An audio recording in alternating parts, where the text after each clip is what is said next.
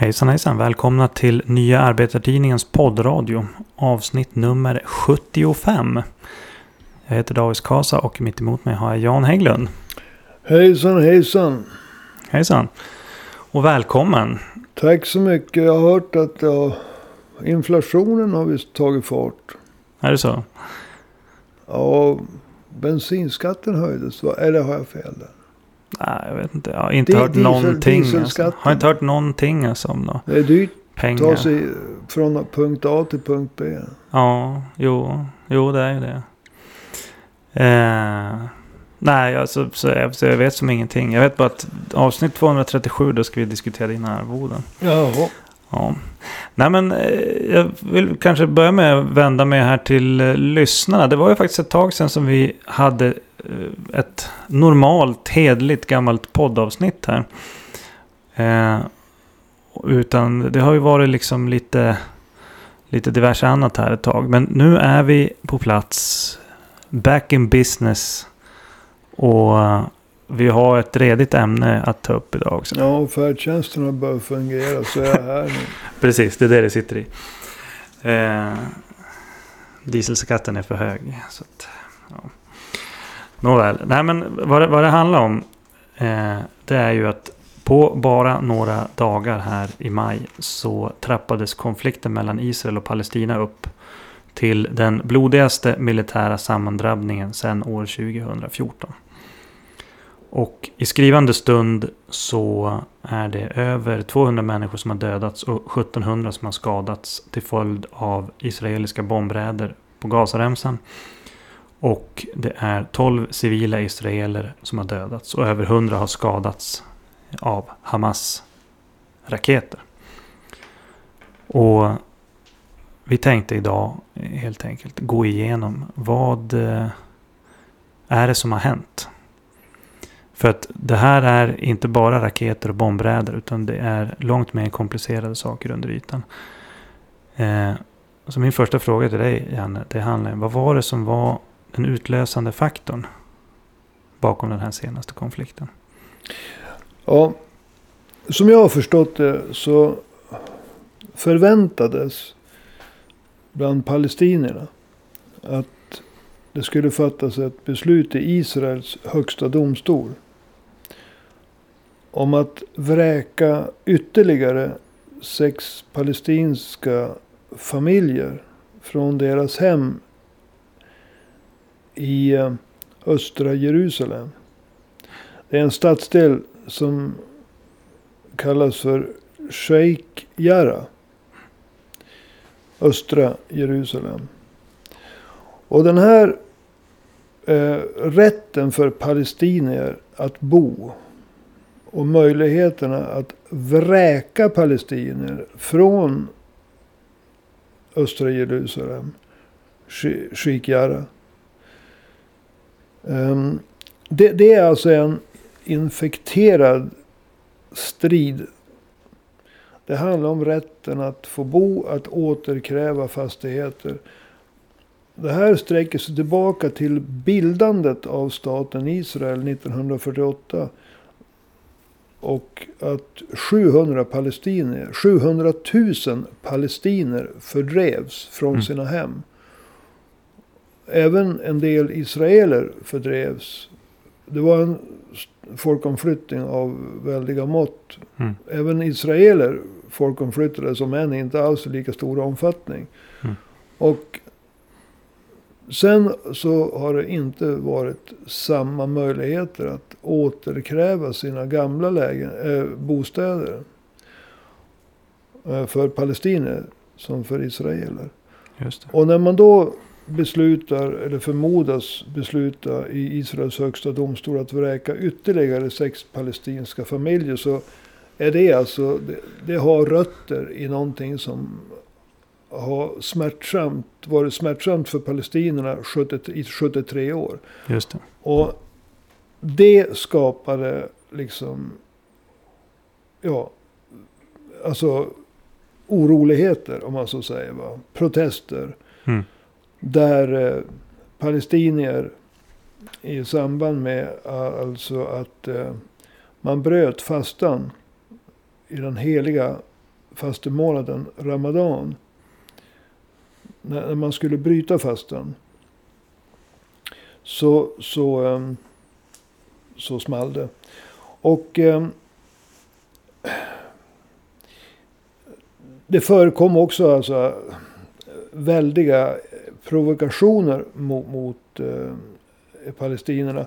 Till exempel den 6 maj så organiserade en israelisk extremistorganisation en motmanifestation. Alltså det var ju en manifestation mot vräkningarna. Men en motmanifestation eh, mot palestinierna. Och situationen trappades upp. Det resulterade i att stenar och stolar kastades mm. från båda håll. Palestiner och de här israeliska extremisterna. Och polisen ryckte in. En, pal en palestinier eh, i Jerusalem har berättat för tidningen The Guardian. Som eh, är från eh, United Kingdom. Före mm. detta Storbritannien. Att polisen, de kallades in och de avslutade sin insats genom att spraya ner stora delar av östra Jerusalem. Sheikh Jarrah med vad som i folkmun kallas för skunkvatten. Eh, det är en vätska som luktar avlopp och ruttet kött och som används som ett sorts komplement till tårgas och vattenkanoner. För att eh, upplösa demonstrationer.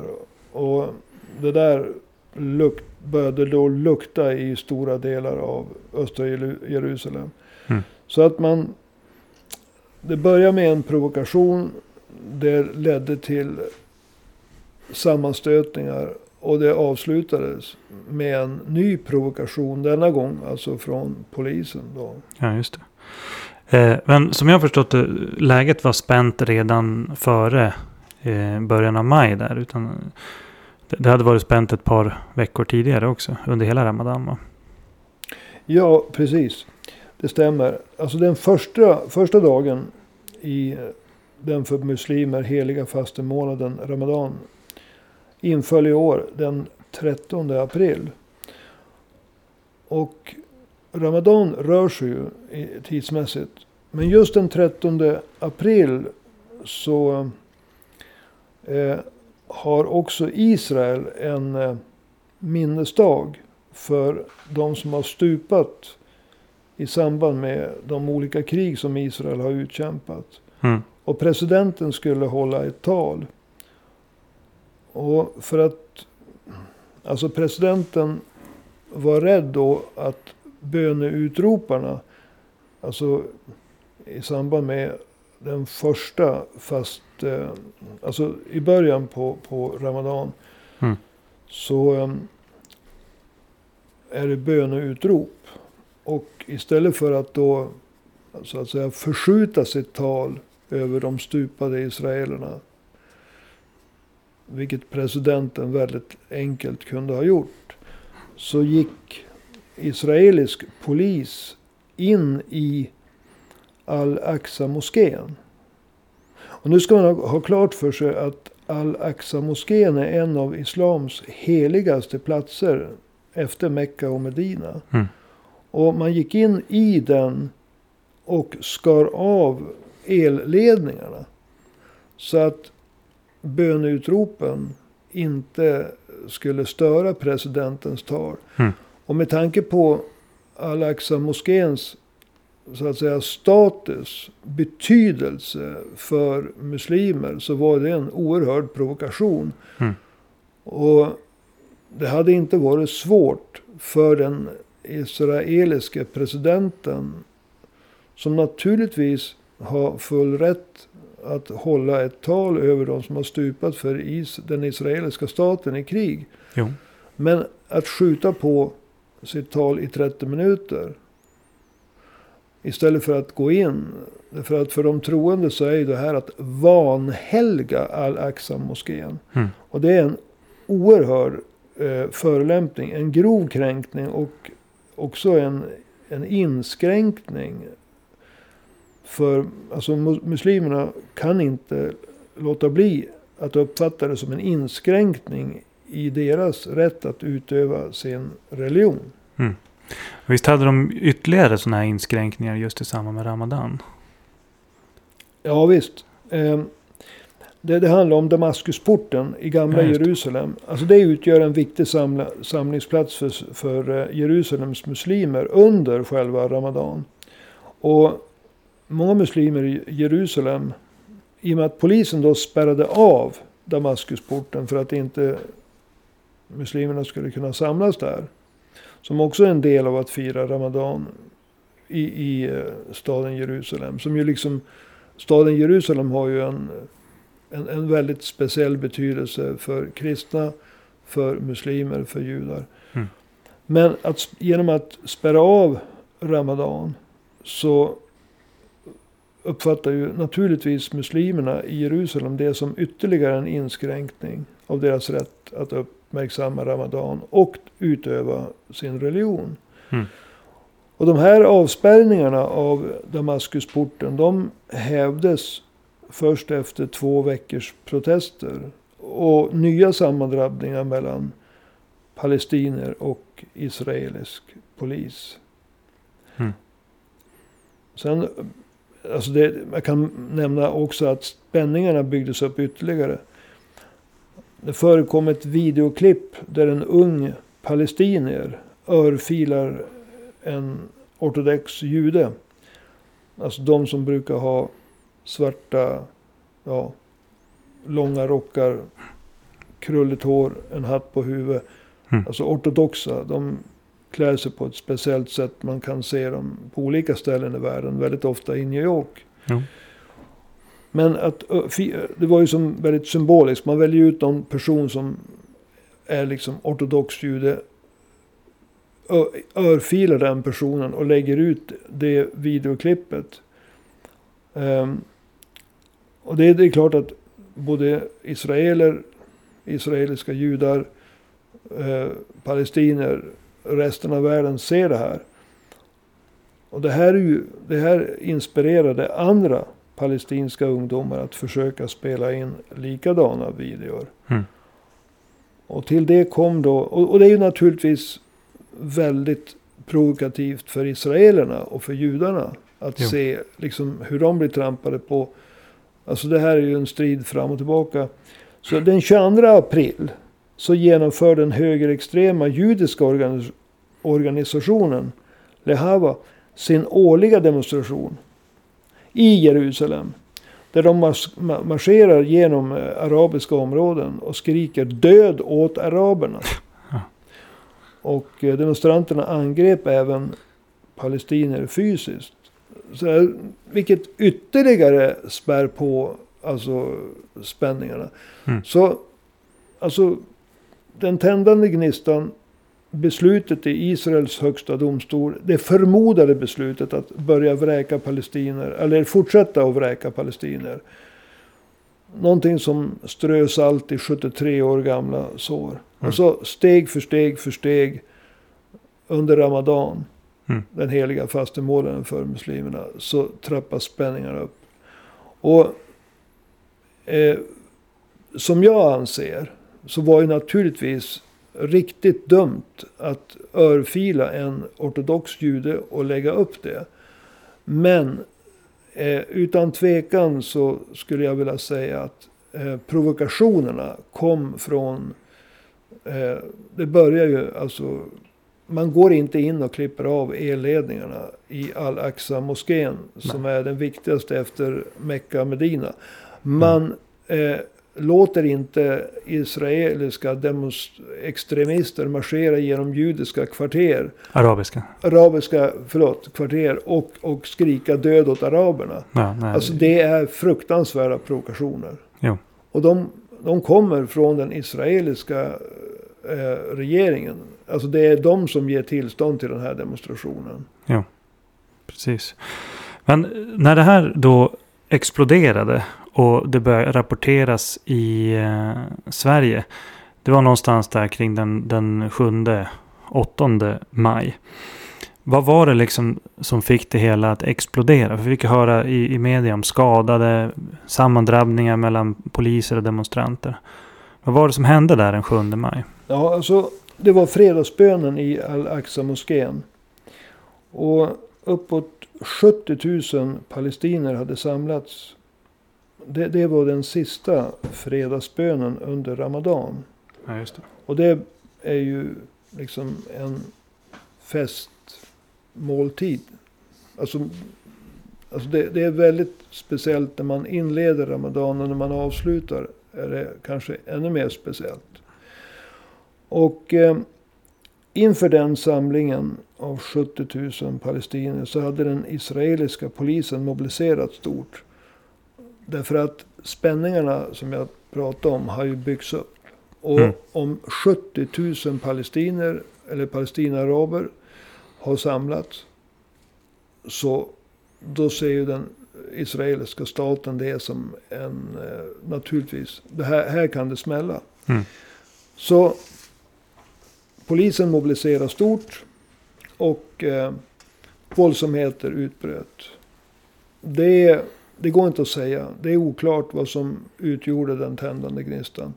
Det har cirkulerat, cirkulerat olika eh, YouTube, alltså videor på, på YouTube. Eller och sociala medier i allmänhet. Mm. Och där kan man se palestinier kasta stenar och stolar mot polisen. Och man kan se polisen skjuta med gu- gummikulor mot demonstranterna för att skingra dem. Man kan se att demonstranterna, jag menar det är 70 000. Man kan se Hamas karaktäristiska gröna flaggor. Och vissa demonstra- demonstranter ropar slagord från Hamas. För de som inte vet det så är Hamas terrorstämplade av EU och USA. Mm. Eh, Men det är de som har vunnit valen på Gazaremsan. Och styr. Och det skadades ju självklart personer. Det här, alltså vi, vi pr- pratar ju om att det är tiotusentals människor Mm. som eh, drabbas samman. Mer eller mindre. Alltså hur många som slogs. Men det var 70 000 som samlades. Mm. Men över 200 palestinier skadades. 17 poliser skadades också. Och det här spred sig. Så under de följande dagarna, alltså det spred sig dels i tid. Alltså Ja. det, det, det skedde nya sammandrabbningar mellan palestinier och pali, polis. Runt om i Jerusalem. Eh, flera hundra skadades. Men protesterna spred sig också alltså i, i, i, rummet till andra städer. På Västbanken och också inne i Israel. Mm. Och eh, i samband med fredagsbönen den 14 maj så genomfördes det protester på över 200 platser på Västbanken. Just det. Så det här var som kulmen på en lång uppbyggnad av spänningar. Ja, precis. Och det var det här då som vi började kunna se eh, rapporter också då i svensk media. Ja. Eh, vi ska förflytta oss, eh, som du säger, i rummet.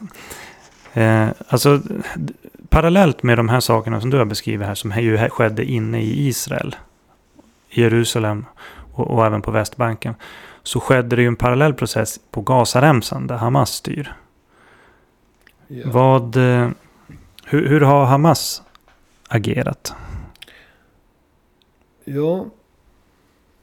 När protesterna exploderade inne i Israel så beslöt sig Hamas för att de ville inte stå vid sidan.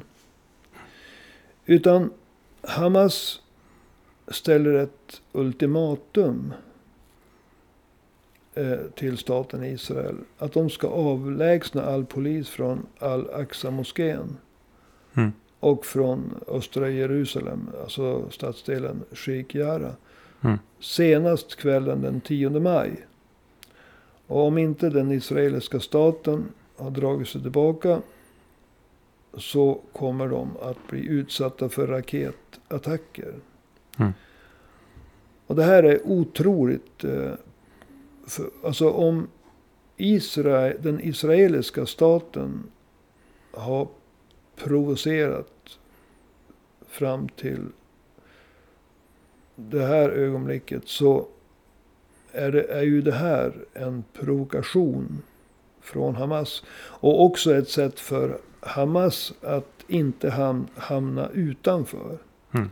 Alltså de, Hamas visste ju naturligtvis att Israel under inga som helst omständigheter skulle acceptera ett ultimatum från terrorstämplade Hamas. Nej. Utan det här handlar alltså om Hamas. Om deras prestige i ögonen på eh, alltså Palestina-araber i Gaza. Eh, Palestina-araber på Västbanken som styrs av Fatah. Palestina-araber inne i det egentliga Israel. Och araber runt hela världen, muslimer runt hela världen. Alltså, vi utmanar Israel.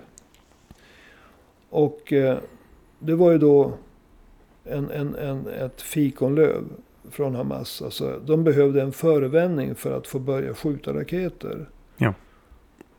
Och, och eh,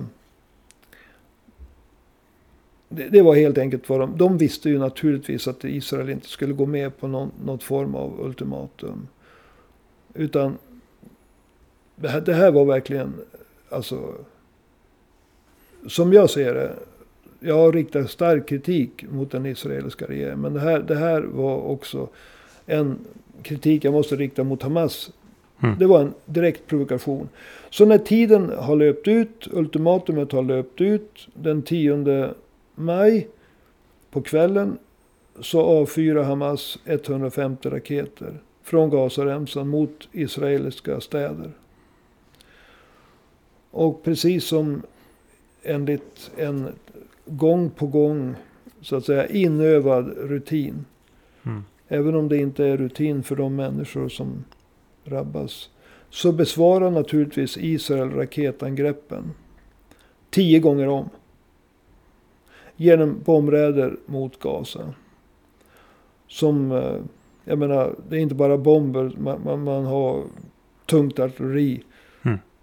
Och i och med det, i och med det, vilket jag ser som väldigt, väldigt negativt, både ur humanitär synpunkt, men också från ur politisk synpunkt.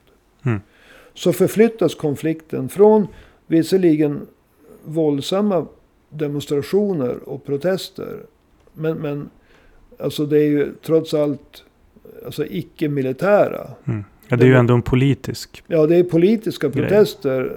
Alltså hur man från Palestina-araberna mot hur is, den israeliska staten behandlar dem. Men i och med att, att Hamas eh, började och Israel svarade tio gånger om så blir ju konflikten en, en militär sammanstötning. Där alla så att säga står på sidan. Och nu är det fråga om vem som skjuter mest raketer. Mm. Hamas och Israel. Och det vet alla, även Hamas, mer än någon annan. Att Israel kommer att slå tillbaka tio gånger så hårt. Mm. Men vad tycker du om Hamas agerande? Ja, det är extremt cyniskt. Alltså, jag säger det igen, ledarna inom Hamas visste ju naturligtvis att Israel inte skulle gå med på deras ultimatum. Att göra någonting på kvällen den 10 maj. De visste att de skulle svara på raketbeskjutningen från Hamas. Genom att skjuta egna raketer, artillerield, tio gånger värre. Och det skulle självklart drabba civilbefolkningen på Gazaremsan. Mm. Eh, naturligtvis visste Hamas det. Mm. Så sanningen den är ju den att Hamas raketer spelar rakt i händerna på israeliska ledare som Netanyahu. Eh, spelar rakt i händerna på de värsta israeliska extremisterna. Mm. Och för övrigt så har Netanyahu byggt sitt politiska stöd på att vara eh, stryka extremister medhårs och vara extra hård mot palestinska extremister. Mm. Så att, eh, jag menar, att förflytta konflikten från manifestationer. Visserligen de blev våldsamma och, och så vidare. Men de var icke-militära inne i Israel och Västbanken. Till mm. en militär konflikt mellan Hamas och eh, den israeliska militären. det var verkligen negativt. Ja. Och i skrivande stund har alltså över 200 människor dödats och 1700 skadats till följd av de israeliska bombräderna. Och den helt överväldigande delen av dem som har dött och skadats är ju naturligtvis civilbefolkningen på Gazaremsan. Vad säger du till dem? För det finns ju vissa som tycker så här att ja men ja, det skjuts raketer, det bombas, folk dör, civila dör. Eh, ja, båda sidor är lika illa. Det dör folk på båda sidor. Ja, alltså civilbefolkningen lider i Israel. Civilbefolkningen lider på Gazaremsan. Men det är naturligtvis en skillnad. Israel har så mycket större militära muskler.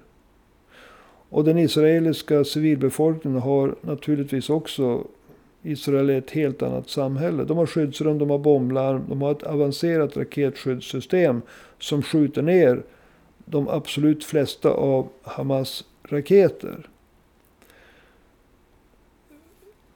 Mm. De boende på Gaza har ju ingenting av det. Så att när Hamas utsätter, alltså när, när Hamas skickar raketer.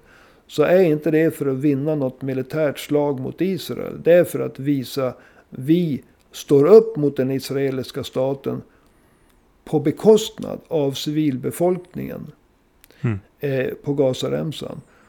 Det är också för att vinna, alltså det är för att vinna politiska poänger mot konkurrenterna i Fatah. Det är att spela, jag säger det igen, alltså den eh, israeliska presidenten Netanyahu i händerna. Det är att spela de eh, mest extrema människorna i Israel. Alltså extrema judiska grupperingar, extrema israeliska grupperingar i händerna. Att ta bort, så att, att göra konflikten militär är det absolut sämsta. Och, och det var ett beslut som jag ser från Hamas. Ett cyniskt beslut för att inte hamna så att säga vid sidan om. Eh, det kom ju ett besked nu den 20 maj, sent på kvällen. Att eh, Hamas och Israel har beslutat om eldupphör. Och trots de fruktansvärda konsekvenserna för befolkningen på Gaza så gick ju faktiskt Hamas ut och deklarerade att de såg sig själva som segrare. Jag hörde att de hade liksom spridit det budskapet i alla moskéer på Gazaremsan bland annat. Eh, men den viktiga frågan här är ju alltså vad händer nu? Alltså vad är vägen framåt? Det här är en konflikt som har pågått i 73 år. Ja, först bara en kommentar. Eh, att Hamas utropar sig som segrare. Eh, det kan Hamas göra. Mm. Eh, de har visat handlingskraft i förhållande till Fatah. Tycker de. Mm. Men de som har betalat priset för det här. Det är de. Eh, alltså. Det är de moderata krafterna i Israel har förlorat. De som vill hålla tillbaka militära konflikter. Det är civilbefolkningen i Gaza. Naturligtvis så har civilbefolkningen i Israel också varit rädd och upplevt ångest. Jag menar, även om det är färre så vet ju ingen vem Mm. som kommer att dö och skadas. Nej. Och segrarna, om Hamas är segrare så är också Netanyahu segrare. Jo, precis. Men alltså, den här konflikten har pågått i 73 år. Och Hamas senaste liksom, försök att, att göra det här hela tiden en eh, militär konflikt. Har ju inte på något sätt fört den här 73-åriga konflikten ett enda steg närmare sin lösning tvärtom. Mm. Jag, jag, jag tänker liksom hur många gånger om, om, vi, om vi ser alltså konflikten har varit i 73 år sedan bildandet av staten Israel. 700 000 araber fördrevs. I vanmakt, alltså här i Umeå, under 50 år så har personer stått och sagt krossa staten Israel. Driv israelerna i havet. Leve en ny palestinsk stat och så. Alltså de orden har aldrig fallit mer platt till marken än idag. Så därför var det ingen som sa de orden i samband med den här konflikten. Nej. Utan det är lätt att säga stora ord om att krossa en stat och utropa en annan. Men det är bara ett uttryck för vanmakt. Mm. Därför att det, det här... Ja, det har ju knappast natur- hjälpt palestinierna heller. Det har inte hjälpt palestinierna. I så fall så skulle inte problemet kvarstå efter 73 år. Mm. Och jag menar, det finns ju en rad skäl till det. Jag menar den militära styrkan hos Israel. Som ju har ett enormt stöd från USA. Militärt, ekonomiskt. De får väl, är det 4 miljarder dollar per år? Ja, jag har sett den siffran. Jag vet inte om den är bekräftad. Men jag har sett 4 miljarder dollar per år. Mm. Om den är sann eller inte, det, det vet jag inte. Men det är... Alltså USA har stött Israel militärt, ekonomiskt, informationsmässigt. Mm. Enormt Ja, mycket. Eh, men det är inte bara så att eh, den här konflikten har varat i 73 år på grund av Israel och USA. Utan alfabetet har fler bokstäver än A, Mm. Utan palestinierna har ju behandlats som en bricka i stormakternas spel. Och där ligger ju också skulden på de kringliggande arabiska staterna. Alltså regimer i stater som Egypten, Syrien, Jordanien, Irak. Vi kan nämna Turkiet med. Så att, och Libanon. Kan Och Libanon. Ändå håller på. när vi ändå håller på så vi inte glömmer någon. De har alla använt palestinerna som brickor i ett politiskt spel. Och sveken mot Palestinaaraberna från de arabiska ledarna. De har, alltså de har verkligen inte ställt upp för sina bröder och systrar i, i Palestina. Mm. Palestina-araberna har svikits i stort sett av alla. Mm. Och de som har utropat, liksom krossa staten Israel och förnekat att judarna har en nationell identitet. De har fel. Mm. Samtidigt vill jag säga, alltså judarna har en nationell identitet. Staten Israel, jag vill säga det, har Även om jag är kritisk mot hur staten Israel har agerat så ifrågasätter inte jag staten Israels rätt att existera. Utan man kan kritisera staten Israel och man kan kritisera staten Israel hårt. Utan att ifrågasätta staten Israels rätt att existera. Å andra sidan vill jag också säga att det har vuxit fram en eh, palestinsk nationell identitet. Eh, 1948 så skulle jag vilja säga att det fanns ingen specifik Palestina-arabisk identitet. Nej. Men efter 73 år så finns det en nationell identitet eh, hos Palestina-araberna. Och den nationella identiteten, den pockar på självbestämmande. Eh, och om det självbestämmandet för Palestina-araberna, hur långt det ska gå, vad det ska innehålla, om det ska förverkligas inom ramen för staten Israel eller utanför ramen staten Israel. Det är jag inte människa att säga. Men det jag vill att alla ska förstå det är att under de här 73 åren så har det vuxit fram en nationell identitet hos Palestina-araberna. Och den kommer aldrig att kunna bombas bort. Mm. Den kommer aldrig att kunna förtryckas bort. Den måste få en lösning, den här konflikten. Men den måste ta med i beräkningen att Palestina-araberna har en nationell identitet. Precis som det finns en judisk nationell identitet. All right. Du, eh, tiden går fort när man har roligt. Eh, och eh, vi måste börja avrunda här. Ja.